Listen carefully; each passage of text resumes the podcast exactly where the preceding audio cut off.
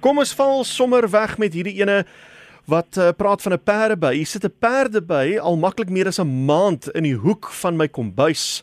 Ek neem aan is 'n wyfie. Sy bou so wasagtige nes, lyk so selle van 'n heuningkoek, net kleiner, uh, wat in 'n dun draadjie hang wat sy self vasgeheg het. Sy verlaat nooit die nes nie. Hoe bly sy aan die lewe en waar kry sy die boumateriaal vandaan? genade. Wat dis nie 'n perdeby nie, eintlik is dit 'n wesp. Ooh. Nou, hulle staan ook bekend as papierwespe. Hulle uh, kou blare en ou organiese materiaal, maak 'n pap in die mond en dan byna soos jy papier maak, plak hulle hierdie pragtige klein nesies in verskillende forme. Uh hierdie ene dit is gewoonlik so 'n rooierige perdebytjie. Ek net vir die luisteraar waarsku, daai ding steek jou soos 'n naaimasjien. Tik tik tik tik tik tik tik. Moet tog nie jy hulle is baie aggressief veral op die nes. Um omdat sy nie eet nie kan ek nie verstaan nie want sy moet net die materiaal gaan versamel om in die nes te bou. Sy kan dit nie genereer nie. Met ander woorde, sy moet met organiese materiaal gaan haal in 'n stadium om dit op te kou en dan die nes aan mekaar te plak. En iemand anders wil weet hierdie olie, waar lê dit in die aardkors? Waar kom dit vandaan? Nou vir wie julle takseer my dan? Jy weet, dis 'n vraag vir 'n eko vir 'n geoloog. Olie is in die orde van meer as 200 200 na 250 miljoen jaar oud en in vroeë tye 200 miljoen jaar gelede het redelike warm oseane plankton gehad en diatome met ander woorde goedjies wat rond fyn organismes wat dan gevrek het en afgesak het en 'n laag van organiese materiaal dan op die bodem van die oseaan gevorm het. Nou, as dit net so gelos word, oksideer dit want daar suurstof in die water, maar as daar dan 'n addisionele laag uh, sediment bo oor hierdie laag organiese materiaal neergeset word dan uh, is dit sogenaamd anaerobies met ander woorde daar is nie suurstof nie en met druk en die hitte oor die miljoene jare heen word dit om omgeskakel na olie in gewoonlik in skalieagtige met ander woorde moddersteen uh, gesteentes. Um, en dan um, is dit letterlik die die ener, die energiewaarde van die son wat dan dan opgesluit lê in hierdie laag organiese materiaal wat ons dan kan inboor. Jy weet dit lê diep, jy weet dit is 2 km in dieper. Um en dan net as dit blootgestel word, is dit weer vlambaar. Maar as dit net gelos word op die bodem, oksideer dit en vorm net humus. So dit is oer oer oer oer oue en dit is nie hernubaar nie want die aarde kan dit nie genoeg of vinnig genoeg aanvul nie. Nou ja, Dave, ek dink 'n geoloog sou dit nie eers beter kon beantwoord nie. Maar hierdie een kom van Sunny Konradi in Johannesburg. Sy sê ek gee heel winter my plante water, maar na die eerste reëns is daar nuwe lewe in my tuin. Wat het reënwater wat gewone munisipale water nie het nie?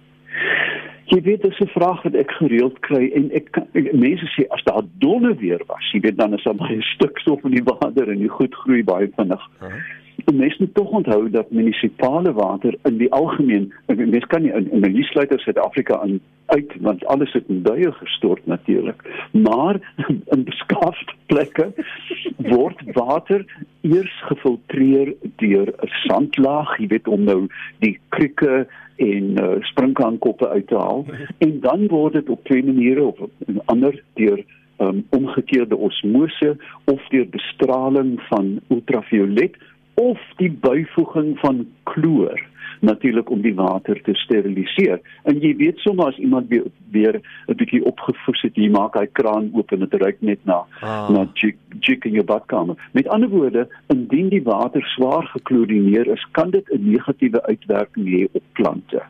Um, waar reënwater um, natuurlik uh, reën is nie skoon nie. 'n Mens moet onthou dat dit nie steriel is nie radioaktiwiteit kan na ontploffing of met 'n kern uh, uh, ongeluk versprei word hierheen en ook organiese materiaal. As jy 'n dak het en 'n opvangtank dan is jou reënwater smoothie van duiwemis oh. uh jy weet kat moddervoete en die hemel weet wat alles. Wat natuurlik baie goed is vir plante maar jy moet dit net nie drink nie. Ja. Uh, hierdie kom van daar nie af. As 'n mens hierdie kunsmatige versoeters gebruik, erken jou liggaam dit as suiker of nie? Veral vir iemand wat suiker siekte het, dink ek moet dit weet. En ook hierdie die dieet gaskoeldranke wat kamptig nie suiker in het nie, het hulle regtig nie suiker in nie hulle het nie suiker in nie. Nou jy weet, ek ben nou nie 'n reuse oorlog hier veroorsaak met dieetkundiges oor die uh, voor en nadele van gas gaskoeldrank in die algemeen is nie goed nie, want dit word dit dit het 'n suurgehalte en dis werklik nie goed vir jou tande nie. In terme van suiker, jy weet in die ou dae het ons net sakkerien gehad. En toe was daar 'n paar studies wat gedui het daarop gedui het dat dit moontlik blaaskanker kan veroorsaak. Deesdae het ons 4 of 5 verskillende soorte waarvan na my mening en dit is net 'n persoonlike mening xylitol uh, oh. of dit word van berke sap gemaak, die die sap van berkebome. Met ander woorde, dit is 'n doodnatuurlike versoetmiddel en ek sou voorstel dat 'n mens dan indien jy dit kan kry, die xylitol as jy dit wil gebruik, gebruik dit dan want dit is totaal natuurlik in die liggaam uh, uh aanvaar dit en uh, as 'n natuurlike middel. Dit is eenvoudig die smaak ehm um, pupille op die tong wat wat gebind word in 'n chemiese uh chemiese uh, reaksie wat soet naboots. Met ander woorde, dit is nie ware soet nie, dit is nie heuning of steenskoek nie, ja. maar die tong dink dit is soet en daarom word dit so wyd gebruik. Hierdie kom van Johannes Burger. Waar kom die voeltjies so tortelduwe en mossies ensovoorts vandaan in stede soos Riyadh en Doha wat bitter warm woestynland in woestynlande gelees? Hulle kon tog nie lang afstande so toe gevlieg het in die warm son nie. Ek het hulle al in Doha gesien en hulle vertoon heelwat maarder as hier in Robertson. Ja, nou Doha Robertson, dit is nou my geboortedorp. Ek bedoel Robertson, nou moet ek nou 'n verskriklike konstruksie in my kop maak. Kyk, daar is min plekke op aarde wat nie voels nie. Ek was al by Pella, daar in die Oranje rivier, by 44 grade Celsius. Ek's nou ernstig. Mhm. Jy weet dat die donkies verlep het. Um en, en tog die voeltjies op rond. Hulle is baie goed geïsoleer.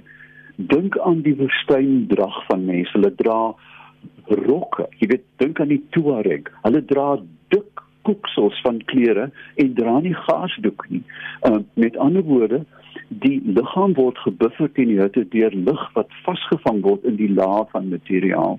Net so met voels. Die vere is 'n uitstekende isoleermiddel, dink maar aan 'n donskombers hmm. of 'n bulsak.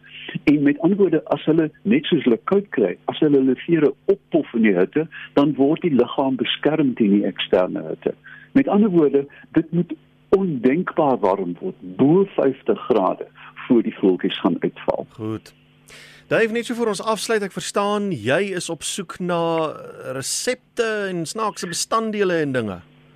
Ja, jy weet ek het so heimwee na vergete resepte. Ek het nou pas op my uh, webwerf geplaas en ook op Facebook.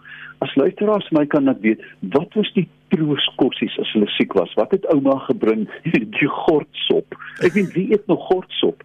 Wie koop nog sitterkonfyt? Wie maak melksnysels? Laat my 'n bietjie weet. Ek sal intens belang in hierdie ou byna vergete boere resepte. Dave, ek dink jy gaan toegegooi word onder die uh, hulp onder die belangstelling. Ek dink daar's baie mense wat jou sou kan help, maar so hulle moet net 'n draai gemaak op jou webwerf en jou Facebookblad. Hulle is daar is 'n skakel wat hulle wat hulle soemloos tussen die twee, een van die twee en dan tref hulle en dan is daar ook 'n antwoord kolom waar hulle vir my kan laat weet watter resepte hulle het. Ja, ek sal dit sommer nou gee. Dave, baie dankie. Uh, dankie vir die saamgesels. Ons maak volgende week weer so. Ek hoop dit is foutloos volgende keer. Tot dan.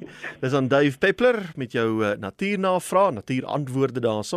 En uh, sy webblad is www.davepeppler.com. Gaan help hom met daai ou vergete resepte, die trooskosse.